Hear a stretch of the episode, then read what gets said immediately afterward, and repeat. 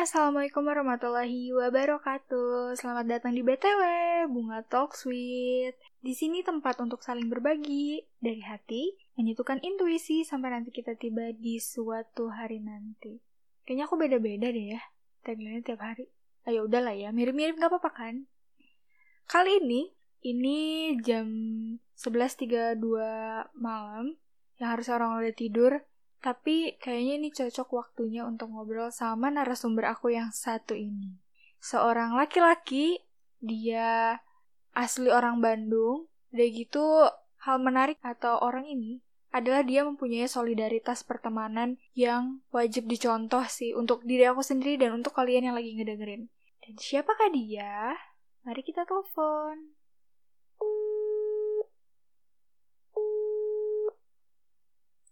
Dan ini dia bintang tamunya Komar Borkan. Ini nama asli siapa sih, Lap? Halo, halo Muhammad Pahlavi. Oh, kenapa nama IG-nya Komar Borkan? Kan bingung. Lu Komar Borkan teh waktu zaman SMP. Ya, waktu zaman SMP kelas 3. Kalau misalkan di SMP kan suka pakai nama samaran gitu. Nah, dia suka dipanggil Komar. Terus kalau Borkannya itu diambil dari Raja Arab yang ganteng. Widih. Jadi disatuin. Kalau Raja Arab itu kalau nggak salah namanya Omar Borkan. Nah, Oh. kebetulan di match cocok nih sama Komar. jadi Komar Borkan gitu. Jadi biar ganteng juga ya ke bawah-bawah. Iya, amin, amin. Sekarang lagi sibuk apa, Lep? Di rumah aja nih. Oh ya, paling menghadapi pandemi kayak gini karena mungkin di lingkungan lebih juga nggak ada ada sih social, social distancing tapi nggak terlalu heboh lah social distancingnya. Paling social distancing biasa paling kesibukan di rumah sekarang kayak ya eh, apa bantu-bantu orang tua terus bantu-bantu kayak warga warga sih khususnya eh, kayak lagi sekarang kan bikin disin- disinfektan terus rencana mau bikin hand sanitizer sendiri dari program Karang Taruna Iya, kamu aja masih sih sibuknya. masih aktif ya di Karang Taruna ya? masih masih Mantap sih sampai nanti kegiatan kurbanan masih tetap jalan. Insya Allah kalau misalkan pandeminya udah kelar pasti berjalan pasti pasti berjalan. Tapi aku salutnya tuh orang kayak kamu gini lah yang suka masih berkumpul, nongki-nongki tapi mau loh mengabdi untuk masyarakat. Kenapa lah? Hmm, sebenarnya kalau misalkan dibikin alasan susah juga sih ya karena kalau misalkan kayak alasan akademisnya mungkin karena menjunjung tinggi apa ya tridharma perguruan tinggi Hmm. itu kalau misalkan eh, jawaban akademisnya paling kalau misalkan jawaban dari pribadi labnya kita itu kan bermasyarakat Mhm. terus ilmu yang didapetin dari kuliah perguruan tinggi sekolah eh, itu tuh jatuh jatuh jatuhnya jatuhnya pasti pasti buat dipakai ke masyarakat lagi kan Lepi coba aplikasiin dari sekarang sebelum apa ya Buka- kalau sebelum terlambat sih kayaknya nggak ada kata terlambat cuman Hmm. Dicoba lebih oh bisa lebih paham buat nanti ke depannya cara menghadapi lingkungan. Mungkin yang lagi pandemi mungkin lingkungan yang lingkungan yang A lingkungan yang B. Itu kan bisa lebih cepat tahu gitu dari para teman-teman yang belum belum nyobain terlibat sama di lingkungan masyarakat. Paling gitu sih. Terus dari respon orang tua juga dengan kegiatan kayak gini gimana Lep support? ya alhamdulillah support kan. Kebetulan eh, bapak juga salah satu apa ya pengurus di RW jadi Hmm, ya jadi aktif mau juga gak mau ya. juga iya mau gak mau juga ya harus support lah lihat mungkin ketika masih di hal yang positif kenapa enggak gitu Terus kalau misalkan kesibukan kamu di kampus nih, aku soalnya nggak pernah ketemu kamu kan. Kayaknya nih si Lep ini sibuk banget di kampus sampai nggak pernah jarang lihat. Itu ke mana aja Lep? kalau kesibukan di kampus apa ya buat semester sekarang paling udah agak rehat cuman ya anggota himpunan kalau tahun sekarang Eh, terus alhamdulillah jadi ketua pelaksana acara juga yang buat nanti eh, communication festival Wih, mantap. rencananya bulan Juni sih diundur ke bulan Juni sempat sempat hampir gak jadi karena ada pandemi ini kan oh, tadinya Eh, mau kapan gak, emang? gak jadi tadinya mau bulan April eh. Oh, Mei Mei Mei oh bulan depan berarti. Mei Mei bulan ini Ini bulan bulan Eh. Ini bulan April ya. Maret Maret sorry sorry Maret Oh. Maret sorry sorry Rencana tempatnya di mana? masih di tempat yang eh, kemarin di Dagoti House Oh, ini eh, buat umum atau enggak? Ini buat umum. Wah, mantap sih. Jadi ini yang lagi ngedengerin nanti kalau mau beli tiket, itu tiketing kan? Ya, tiketing.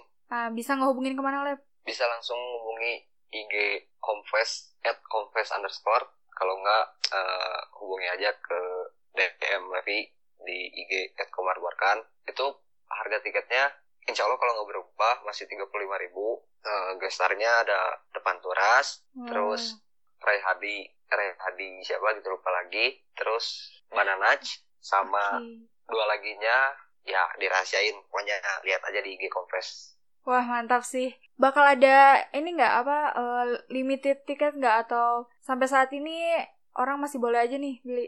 Masih, masih boleh. Masih boleh.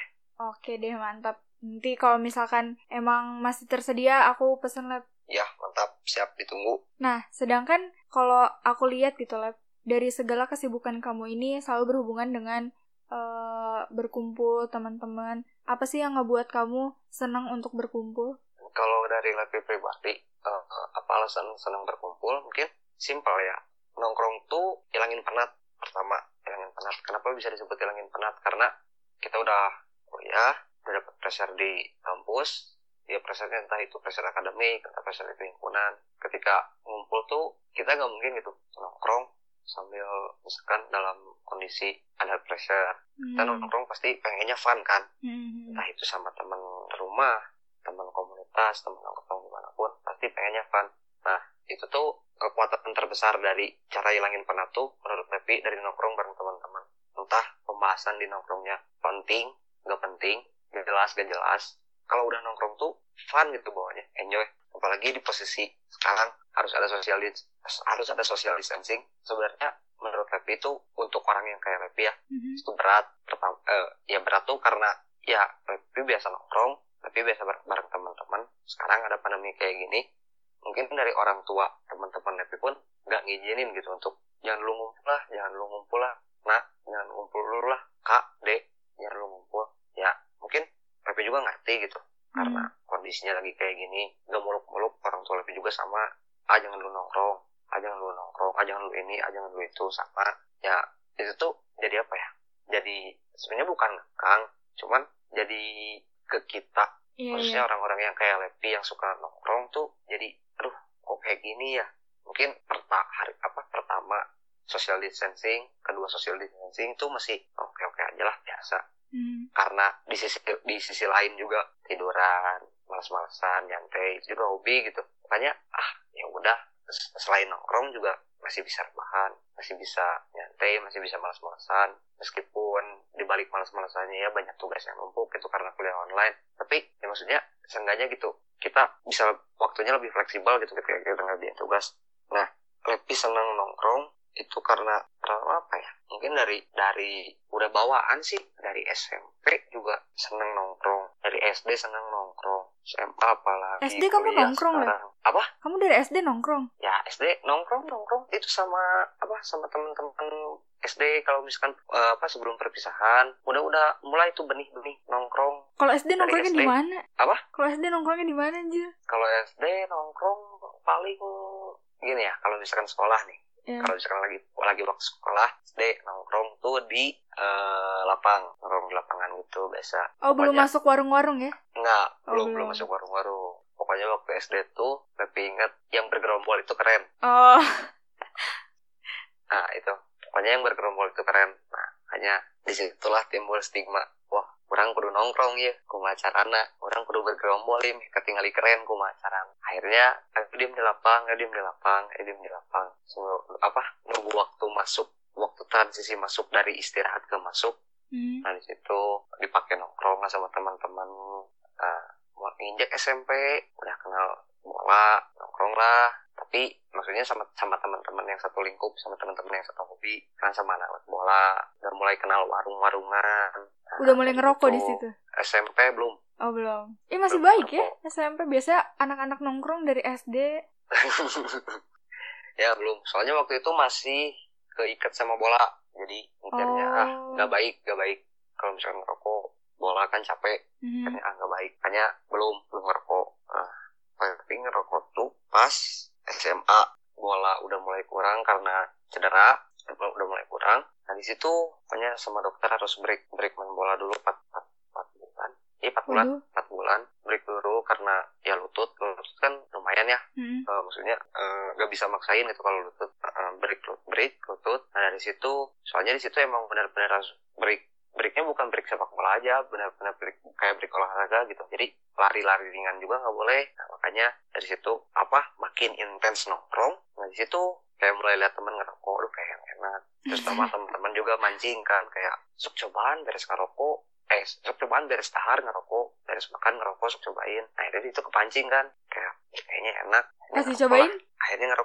Dicobain wah bener ternyata apa Enak. ya iya Eh, kayak feelnya kalau misalkan bahasa makannya mungkin after taste itu dapat gitu After Jadi test, setelah- iya iya iya. setelah makan ngerokok oh ini oh ini orang-orang bilang oh iya ternyata enak oh iya ternyata enak nah itulah tapi masih sembunyi-sembunyi Rokok pertama kamu apa? Lat? rokok pertama itu black cappuccino jadi apa ya bikin bikin betah gitu karena kalau awalnya rokoknya yang nggak akan sebut merek ya yang Iya. yang kayak ya yang rokok-rokok biasa gitu Hmm. Itu kan.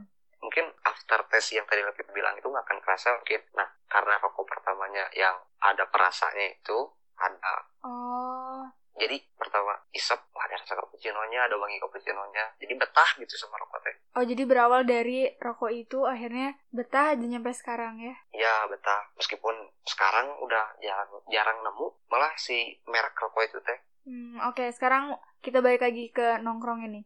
Kamu masih kenal, inget teman-teman nongkrong pertama kali waktu SD? masih ya tuh. Masih ingat. Masih suka komunikasi? beberapa masih ada yang suka komunikasi. Ya biasa follow followan Instagram DM buat DM biasa kayak gitu. Ini kalau teman-teman SD kamu ngedenger, kamu mau ngomong apa, Let? kalau teman-teman SD aku ngedenger aku mau ngomong ayo orang nongkrong deh eh apa ya? Udahlah udah lama banget. Soalnya nggak nongkrong sama teman-teman SD terakhir tuh reuni waktu angkat ah, angkatan lagi reuni tahun 2000 berapa ya tiga tahun ke belakang atau dua tahun ke belakang lupa lah pokoknya bukber karena itu terakhir terakhir nongkrong nongkrong bareng sama teman-teman SD Nah, kalau misalkan lagi nongkrong, biasanya apa sih pembahasan para kaum lelaki? para kaum lelaki oke pembahasan para kaum lelaki itu beda-beda biasanya Pernah ngegosip juga tapi? pasti pasti Oh, coba juga ternyata ya. iyalah nggak ya gosip udah apa udah udah udah kultur kali di Kayaknya. ya di, di, di negara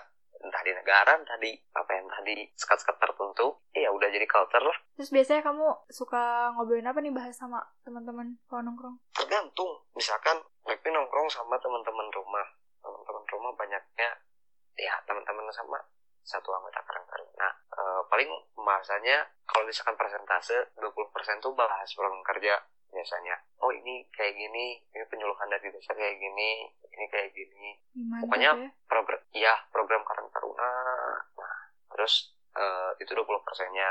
Mungkin 30 persennya kayak obrolan kerja kerja kuliah itu kan berhubung teman lebih banyak banyak yang udah kerja yang kuliah juga. Jadi 30 persennya paling obrolan di situ. Kayak dia ng- ngeluh atau keluh kesah di kerjaannya kayak gimana keluh kesah Lepi di kampus keluh kesah teman Lepi yang kampus di kampus lain keluh kesah. Pokoknya pokoknya 30 persen di situ banyaknya keluh kesah yang kerja kuliah mungkin yang sekolah juga tapi udah lulus ya sekarang keluh kesah di situ juga. Nah 50 persennya lagi apa biasanya 50 persennya lagi itu itu tadi si gosip itu Wah, banyak juga ngegosipnya. Nah, tapi biasanya harus ada pemantiknya. Kalau gue sih, misalkan kayak gini nih, Apa tuh? lagi nongkrong, Hmm. ngopi kan, ngopi ngerokok biasa, lagi ngobrolin A, B, C, lagi ngobrolin itu. Tiba-tiba ada misalkan si orang yang mau dibahas tanpa, maksudnya tanpa tanpa kita rundingin dulu, tanpa kita skrip dulu sebelumnya. Nanti kita misalkan nanti kita ketemu ini bahas bahas orang ini ya enggak. Ini misalkan orang itu lewat nih pakai motor di, di depan tongkrongan. Set, lewat. Nah, itu tuh timbul benih-benih dari pemantik teh kayak eh eh nyawa sih iya ini sebelum rokok nggak apa-apa Iya, nggak apa-apa. Santai. kayak misalkan targetnya tuh ngelewat pakai motor set nah di situ tuh muncul kayak si bibit-bibit gosipnya tuh muncul Oh, berarti nih yang pernah lewat naik motor ke tongkrongan Lepi, hati-hati, hati-hati. kayak misalkan eh mana nyawa tuh sih iya eh kamu tahu nggak sih ini? Eh kamu tahu nggak nah awalnya dari situ. Oh, padahal kadang si orang yang dibahasnya mah apa cuman berapa menit ya? Paling tiga menit empat menitan dibahasnya. Nah lebar dari situnya. Kayak misalkan nanti ngerembet ke sini nanti ngerembet ke orang ini nanti ngerembet ke orang ini ngerembet ke orang ini. Nah itu yang bikin makanya tapi bisa presentasiin bahwa gosipnya 50% teh dari situ Eh, berarti hal itu juga yang termasuk ngebuat jadi ini ya nyaman di tongkrongan. ya ada ya maksudnya itu juga masuk faktor lah kenapa lebih seneng nongkrong Nah kalau misalkan biasanya nih, katanya kan kalau misal lagi nongkrong gak mau pada megang HP bener-bener kayak ngobrol bahkan kalau misalkan ada yang punya pacar tuh jadi gak dibales dulu. Itu bener gak sih teori kayak gitu?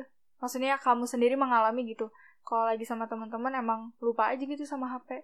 kalau lebih pribadi ya alhamdulillah tongkrongan kalau yang di rumah juga kayak gitu. Di jarang sih sampai sampai harus di kayak orang lain kan biasanya oh, eh, kumpulin HP-nya eh, kumpulin HP-nya biar ngobrolnya enak. Tapi jarang sih kayak gitu kalau misalkan emang benar-benar lagi masih chattingan ya, ya sok aja chattingan. Tapi nanti juga lambat laun dianya juga risih sendiri kan mungkin teman-teman yang ngobrol eh, dianya main HP gitu chatting. Kalau lebih pribadi emang HP kayak gitu. Jadi kalau lagi nongkrong misalkan sama sama si bebek nih. Eh, Eh, bebek.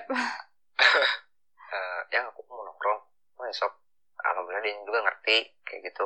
Jadi ya tapi lagi nongkrong ya udah. Dia juga ngerti gitu ya. Mungkin dia jalanin aktivitas lain kayak ya kadang dia juga bilang kayak mau yang aku bersih bersih yang aku mau beres yang aku kayak gini. Dia juga suka bilang gitu. Dan, tapi pun kalau misalkan kondisinya di tempat nongkrongan masih nyantai masih nggak ada apa-apa ya udah weh. Kayak misalkan ya cek HP ngabarin dia kayak gimana. Kayak gitu sih. Jadi emang butuh dikasih pengertian bahwa kalau misalkan lagi sama teman-teman itu eh, ada waktunya sendiri gitu ya. Ya, karena pada dasarnya eh, jujur Lepi nongkrong sama ya sama ngebucin lah tanda kutip sama ngebucin. Hmm. itu untuk hitungan sekarang sebelum pandemik ya Hmm. eh, le- lebih lebih banyak ngebucinnya gitu mungkin dianya juga ngerti ketika oh mungkin Lepi butuh waktu sama teman-temannya Lepi butuh nongkrong sama teman-temannya Lepi butuh ngobrol sama teman-temannya dia juga ngerti untungnya gitu Untungnya ya. Jadi eh, kan ada beberapa yang ceweknya juga lagi gabut akhirnya nggak nerimain kalau cowoknya lagi main games misalkan. ya ya alhamdulillah dia ngerti lah kayak misalkan aku mau main game bilang ya aku mau main game. Oh ya ya aku mau nongkrong main game sama teman-teman. Oh ya sok. Nggak apa-apa. ya dianya ngerti gitu. Tapi ketika ketika lebih sama, lagi sama dia pun jarang gitu teman-teman. Apa jarang juga lebih buka, buka chat dari teman-teman. Ya mungkin ada waktunya lah. Ketika lebih sama dia lebih priori- prioritasin waktunya sama dia. Ketika lebih sama teman-teman ya lebih prioritasin waktunya sama teman-teman. Kayak gitu. Nah, sebenarnya hal apa sih Lep yang ngebuat kamu jadi bisa ngehargain orang? Mau itu teman, mau itu pacar, mau itu keluarga. Yang tadi Apa ya? akhirnya bisa ngebagi waktu kalau lagi sama teman. Kenapa sih bisa kayak gitu? contohnya Hmm. ketika kamu di pasar mau beli buah di situ ada tukang buah sama tukang ikan nah kamu pasti pasti ke toko buah kan nggak akan ke toko ikan Iya.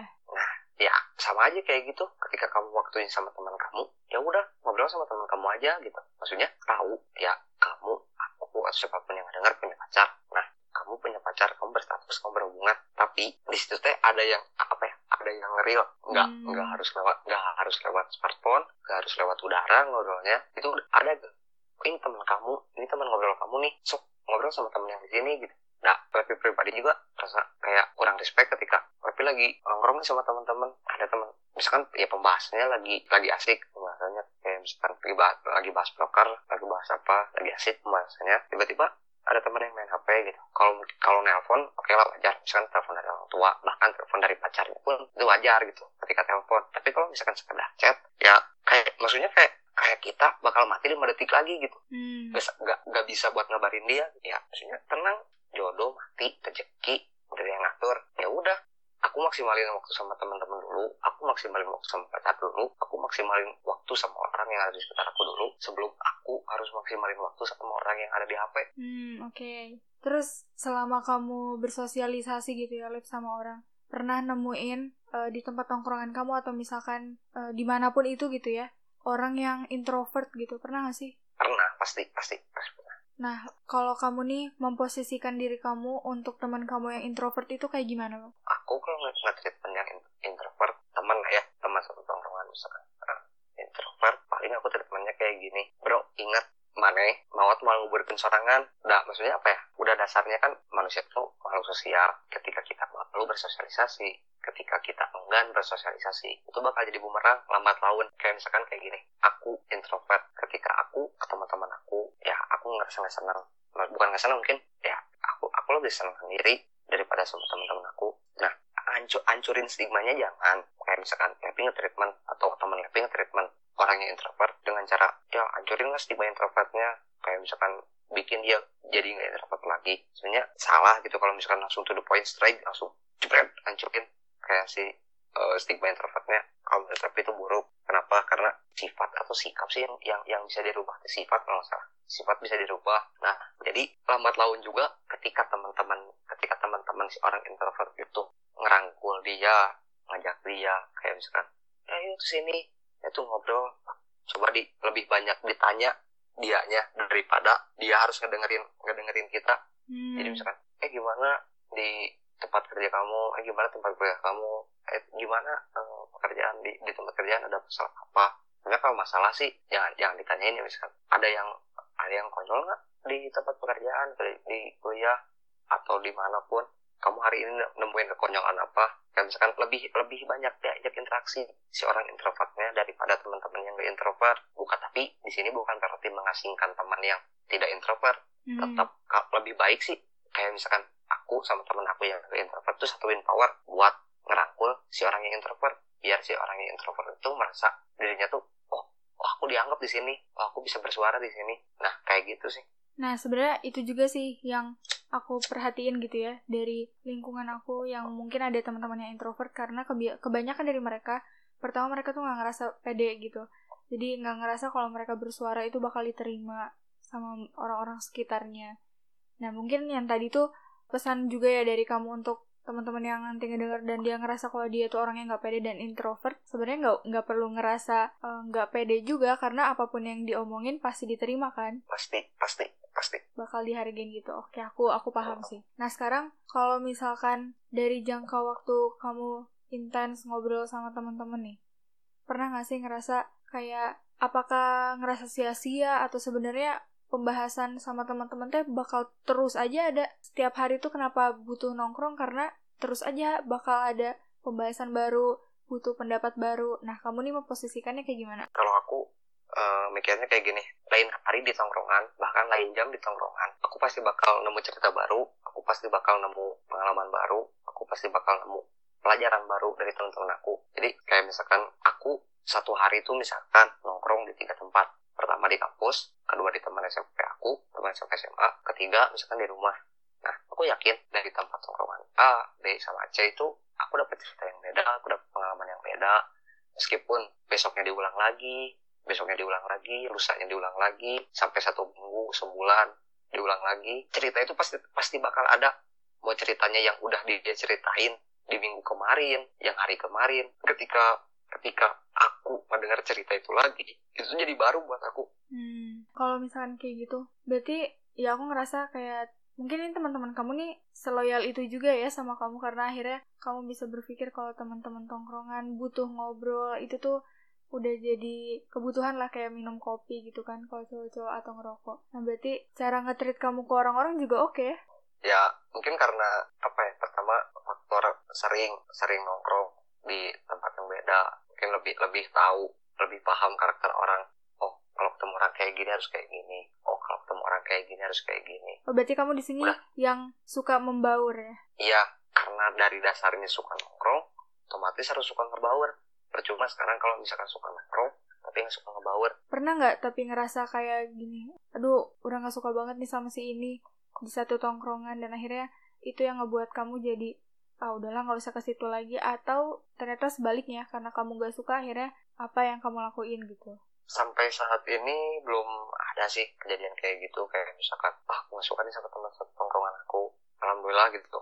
Teman-teman satu tongkrongan teman-teman di kampus teman-teman di rumah itu pada ya orang-orangnya pada oke okay lah pada welcome pada santai. Maksudnya jarang bukan jarang bahkan hampir nggak ada gitu perasaan kayak gitu di pribadi aku ya. Kalau misalkan di pribadi hmm. teman sih aku kurang tahu kayak gimana kayak gimana nya cuman kalau aku pribadi ya aku enjoy aja gitu nongkrong sama siapa pun. Berarti uh, kamu nih orangnya bukan tipikal yang memilih-milih teman? Iya karena dasarnya sama apa ya, sama orang tua juga. Nggak ay diajarin pasti. Nggak mungkin lah ngajarin pilih-pilih gitu. Hmm. temenan sama siapa pun suka aja. Cuman ya itu balik lagi ke kitanya. Nggak mungkin kan orang tua juga. Maksudnya dalam konteks bilang ibu mah nggak akan ngelarang kamu sama siapa aja. Ya pasti itu kalau misalkan udah ngeluarin statement kayak gitu otomatis dari kitanya yang harus mikir pertama nggak mungkin kita nongkrong sama orang yang negatif. Tentang maksudnya negatif di sini tuh kayak ya suka minum lah suka apalah. Maksudnya yang yang ngejerumusin kita ke hal yang negatif gitu. Di juga kan kita harus mi- pintar milih gitu nggak mungkin kan ketika ketika orang tua kita udah bebasin kita nongkrong sama siapa aja itu malah dijadiin sama kita eh, buat terjerumus ke arah yang negatif gitu pasti di situ juga kita kan pilih-pilih oh teman nanti berarti harus sama yang kayak gini oh teman nanti harus sama yang kayak gini Iya, bener-bener. Jadi biar akhirnya dari kamu dibebasin untuk berteman sama siapa aja. Jadinya kayak ya udah jalan wae gitu, ya kan? iya tuh Nah, terus kalau misalkan ini nih, karena aku tadi ngebahas eh kamu ngebahas tentang punya temen yang beda-beda, udah kerja, mungkin udah nikah dari berbagai daerah gitu. Nah, gimana cara kamu untuk bisa berbaur sama mereka yang berbeda-beda sifat gitu? kalau treatment aku ke teman-teman yang beda sifat ya aku munculin sifat aku ketika oh Lepi orangnya kayak gini nih. Jadi biar orang tuh tahu gitu sifat aku kayak gimana. Oh Lepi orangnya kayak gini. Oh Lepi orangnya suka kopi oh Lepi orangnya suka ngerokok. Oh Lepi orangnya suka kayak gini. Lambat laut pasti kayak gini. Dia doyan ngerokok. Ya kita kalau misalkan ngobrol pengen nyambung ngerokok lagi. Maksudnya harus harus harus harus harus bareng ngerokok bukannya berarti orang yang gak ngerokok nggak bisa nongkrong sama aku gitu. Hmm. kayak misalkan oh orang ini mah ngerokok orang doyan yang ngerokok berarti di situ kan ketika nggak bisa nerima sifat aku yang aku. Itu tuh udah jadi poin plus buat langkah ke depannya gitu. Entah kita jadi temenan entah kita jadi link satu sama lain. Itu tuh udah udah jadi poin plus gitu ketika kita nunjukin sifat kita ke orang lain. Biar oh ternyata lebih orangnya kayak gini ternyata orang Bandung teh kayak gini gitu. Ternyata Hmm. orang orang sini teh kayak gini. Nah jadi orang lain udah punya pandangan bahwa oh Happy teh kayak gini. Oh orang sini teh kayak gini. jadi ketika orang lain bertemu dengan orang yang seperti Lepi orang di daerah Lepi itu pasti mikirnya wah ini sifatnya nggak bakal beda jauh sama Lepi. Nah, Lepi pun sebaliknya ketika Lepi punya teman yang dari luar daerah misalkan dari Aceh Medan mana pun lah ketika mungkin orang Aceh mah kayak gini orang Medan mah kayak gini otomatis dia juga ngeliatin sifat dia ke aku kan. Kayak misalkan ya orang Medan keras. Oh iya keras tuh keras dalam konteks apa? Nggak mungkin ya entah mungkin kayak misalkan yang Aceh. Oh ini mah taat agama misalnya yang Aceh. Misalkan kayak gitu kan itu tuh jadi ketika ketika kita ketemu orang orang lain yang bukan teman kita tapi dari Aceh dari Medan kita nggak akan kaget gitu. Oh ini orang Aceh. Teman Lepi juga kayak gini. Ada orang Medan teman Lepi juga kayak gini. Yang kayak gitu. Oh, berarti kamu di sini yang mencontohkan atau kamu nih sebagai kalau kamu pertama orang pertama yang ketemu sama orang yang di luar dari eh, kota asal kamu, biar kamu menjadi cerminan gitu ya. Yang akhirnya kamu harus jadi orang baik dong untuk pertama Iya. kalinya. Iya, harus. Karena first impression itu ngerubah segalanya, kalau kata aku. Iya benar, setuju. Kayak misalkan first impressionnya, aku ketemu Unge, misalkan waktu dulu, aku ketemu Unge. First impressionnya, oh, Unge orangnya kayak gini. Gimana tuh gimana? Aku orangnya gimana nih? Ya, kalau aku pribadi ya, waktu aku Iya. ketemu Unge di BT, oh, Unge teh orangnya kayak gini, oh, Unge teh orangnya apa ya? Kayaknya udah udah udah sering ber, berorganisasi, udah sering main di event. Karena kita ketemu pertama itu kan di Miti yang Iya, waktu betul. di di It Bos mana sih Siliwangi. Di Oh iya Siliwangi. iya bener. Siliwangi ingat Iya inget. itu waktu pemilihan ketua pelaksana Miti, pemilihan ya pokoknya apalagi struktur lah di Miti, tapi ketemu Unge, pandangan oh ternyata teh kayak gini, oh ini kayaknya orangnya pintar berorganisasi, oh ini kayaknya orang sering yang bikin event, oh ini kayaknya orang sering main di event. Akhirnya sampailah kita di acara, benar gitu, ternyata oh benar ini orang sering bikin event, oh ini orang kayak gini, ya first impression itu asli ngerubah segalanya. Kalau misalkan mungkin first impressionnya Unge ke Lepi, waktu Lepi pertama ketemu Lepi selengehan, Lepi kayak gimana ya pasti risih lah kayak misalnya temenan. iya iya. Kalau nggak betul. ngejarak lah, meski nggak risih juga ngejarak gitu kayak misalkan ini orang tuh selengehan, nanti orang mah kayak gini. enggak kan mungkin di situ juga Lepi munculin sifat Lepi gitu kayak misalnya oh iya mah tukang ngeri jalan mate oh iya mah tukang iya jalan mate kayak gitu Tapi apakah first impression yang kamu kasih ke orang-orang itu adalah aslinya kamu? eh biasanya ya biasanya aslinya aku tapi seratus persen misalkan. Oh siapa tuh orangnya kayak gini langsung dari first impression set langsung ketebak nggak nggak kayak gitu. Misalkan mungkin tuh nunjukin sifat 20 persen 20 sampai 40 persenan dulu lah. Oh, sifat aku. Aku harus tunjukin sifat aku sebenarnya kayak gimana. 40 persen tunjukin. Nah 60 persennya kita cari di tempat nongkrong. Maksudnya kita cari waktu nongkrong gitu. Kayak Hmm. misalkan oh ternyata Levit aslinya kayak gini 100 persennya mah. Oh Levit ternyata 100 persennya mah kayak gini. Gitu Oke, berarti sebenarnya emang kalau mau lebih tahu dalam tentang seorang- seseorang itu adalah saat kita eh, ngajak ngobrol ya. Maksudnya lebih Ya. intens daripada pertama kali ketemu karena biasanya pertama kali ketemu adalah image baiknya kita dulu kan. pasti pasti nggak mungkin image buruknya. Nah, sekarang ini segmen terakhir. Eh, aku mau nanya goals kamu dalam hidup itu apa sih, Lep? goals dalam hidup gue bentar goals dalam hidup Levi itu ketika Levi menjadi orang yang dibutuhkan di mana pun baik di masyarakat di kampus baik di tongkrongan pokoknya di mana pun ketika Levi sudah menjadi orang yang bermanfaat itu itu salah satu goals Levi mungkin kalau misalkan disebut ini semua panjang ya. Uh, goalsnya Levi itu apa? Ya intinya itu sih ketika Levi udah oh kita bermanfaat buat di rumah di masyarakat oh kita ber, ketika Levi di tongkrongan oh kita bermanfaat ketika Levi di kampus itu tuh udah jadi titik goalsnya Levi gitu. Oke, nah sekarang eh, pesan kamu nih untuk nanti yang ngedengerin, mau itu mungkin nanti teman-teman kamu atau misalkan orang yang belum pernah ketemu dan tahu sama kamu, apa yang pengen kamu sampaikan? pesan yang pengen Levi sampaikan ke teman-teman yang dengerin podcastnya Unge di BTW mungkin entah ini BTW keberapa Mhm.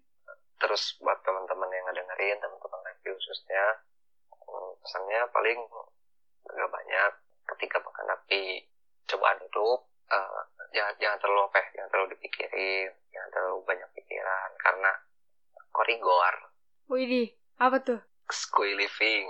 Jadi S-nya bersyukur katanya teh. Eh, eh bukan bukan. Skuy skuy teh hayu cen. Oh, hayu. aduh lupa lagi lah. Pokoknya kita harus hidup kita bersyukur enjoy. Aduh lupa lagi dua lagi apa ya. Pokoknya intinya itulah. Syukuri gitu. Hidup saya harus disyukurin. Terus ingat jodoh mati rezeki udah ada yang ngatur. Jangan jangan takut. Terus ya banyak lah yang bilang roda mah muter kan Hmm. kadang kita di atas kadang kita di bawah ketika kita di atas jangan jangan terus jangan terus lihat ke atas coba lihat ke bawah ketika kita di, eh, eh kebalik ketika kita di bawah jangan terus lihat ke atas lihat ke bawah ketika kita udah di atas yang ya intinya jangan apa ya jangan cepat puas jadi orang Hmm. jangan cepat puas Setuju. jangan jangan haus akan sesuatu jangan terlalu haus akan sesuatu. Ketika kita belum punya ya, hal yang kita pengen ya udah sabar aja gitu karena udah ada yang ngatur lah semuanya juga. Nah, kalau misalkan ini nanti mungkin yang ngedengerin pengen kenalan sama Lepi, boleh nggak? boleh banget terbuka. Nanti siapa tahu sebenarnya dia tuh pengen banget kenalan tapi tapi canggung. Dan akhirnya dari podcast ini mungkin akhirnya dia mau berkenalan? Ya mangga nanti IG Lek tertera silahkan DM kalau ada kesempatan kalau misalkan kita berdekatan mari kita nongkrong bareng-bareng. Wih Gitu. mantap. Mari kita nongkrong bareng-bareng. Siap. Makasih Lepi. Maaf banget nih diganggu sampai jam setengah satu malam. Tapi eh, pembelajaran santai. pembelajaran yang aku dapat gimana rasanya untuk eh gimana caranya untuk tetap jadi loyal sama siapa pun itu mau dia kenal sama kita atau sebelumnya belum eh, belum pernah kenal tetap harus jadi orang baik betul Lep? Betul betul sepakat. Jangan ninggalin bekas buruk di kehidupan seseorang betul Lep? Betul setuju setuju. Oke semoga Lepi sukses terus harapan-harapan dan cita-cita ya eh, cepat terwujud nih. Amin amin amin. Tetap juga eh, pertahanin hubungannya karena aku baru tahu lo Lep punya pacar. Sejak kapan kok nggak nggak cerita cerita nggak kayak dulu? Ih gils dong. Ini mah ini mah nu bagus nah pokoknya oh mau abis ini ya ceritanya abis ini? Pasti abis ini diceritain langsung aman. Oke deh, semoga eh, segala permasalahan hidupnya dihilangkan, dimudahkan rezekinya juga. Sehat-sehat. Lepi. Jangan sampai kebanyakan ngumpul sama orang-orang nih kan lagi covid juga nih, harus berjaga-jaga. ya ya ya ya itu agak susah agak susah Ya oke deh, terima kasih Lepi, sampai jumpa lagi. ya sama-sama thank you nge Iya, dadah, assalamualaikum. waalaikumsalam Dan untuk kalian yang sudah mendengarkan, terima kasih. Kalau misalnya kalian mau berbagi cerita bersama aku, kalian bisa langsung DM di IG at hai.bunga atau di first akun aku di at revandibungaannya 2. Aku tunggu cerita kalian dan tunggu juga cerita selanjutnya. Terima kasih, selamat malam. Assalamualaikum warahmatullahi wabarakatuh.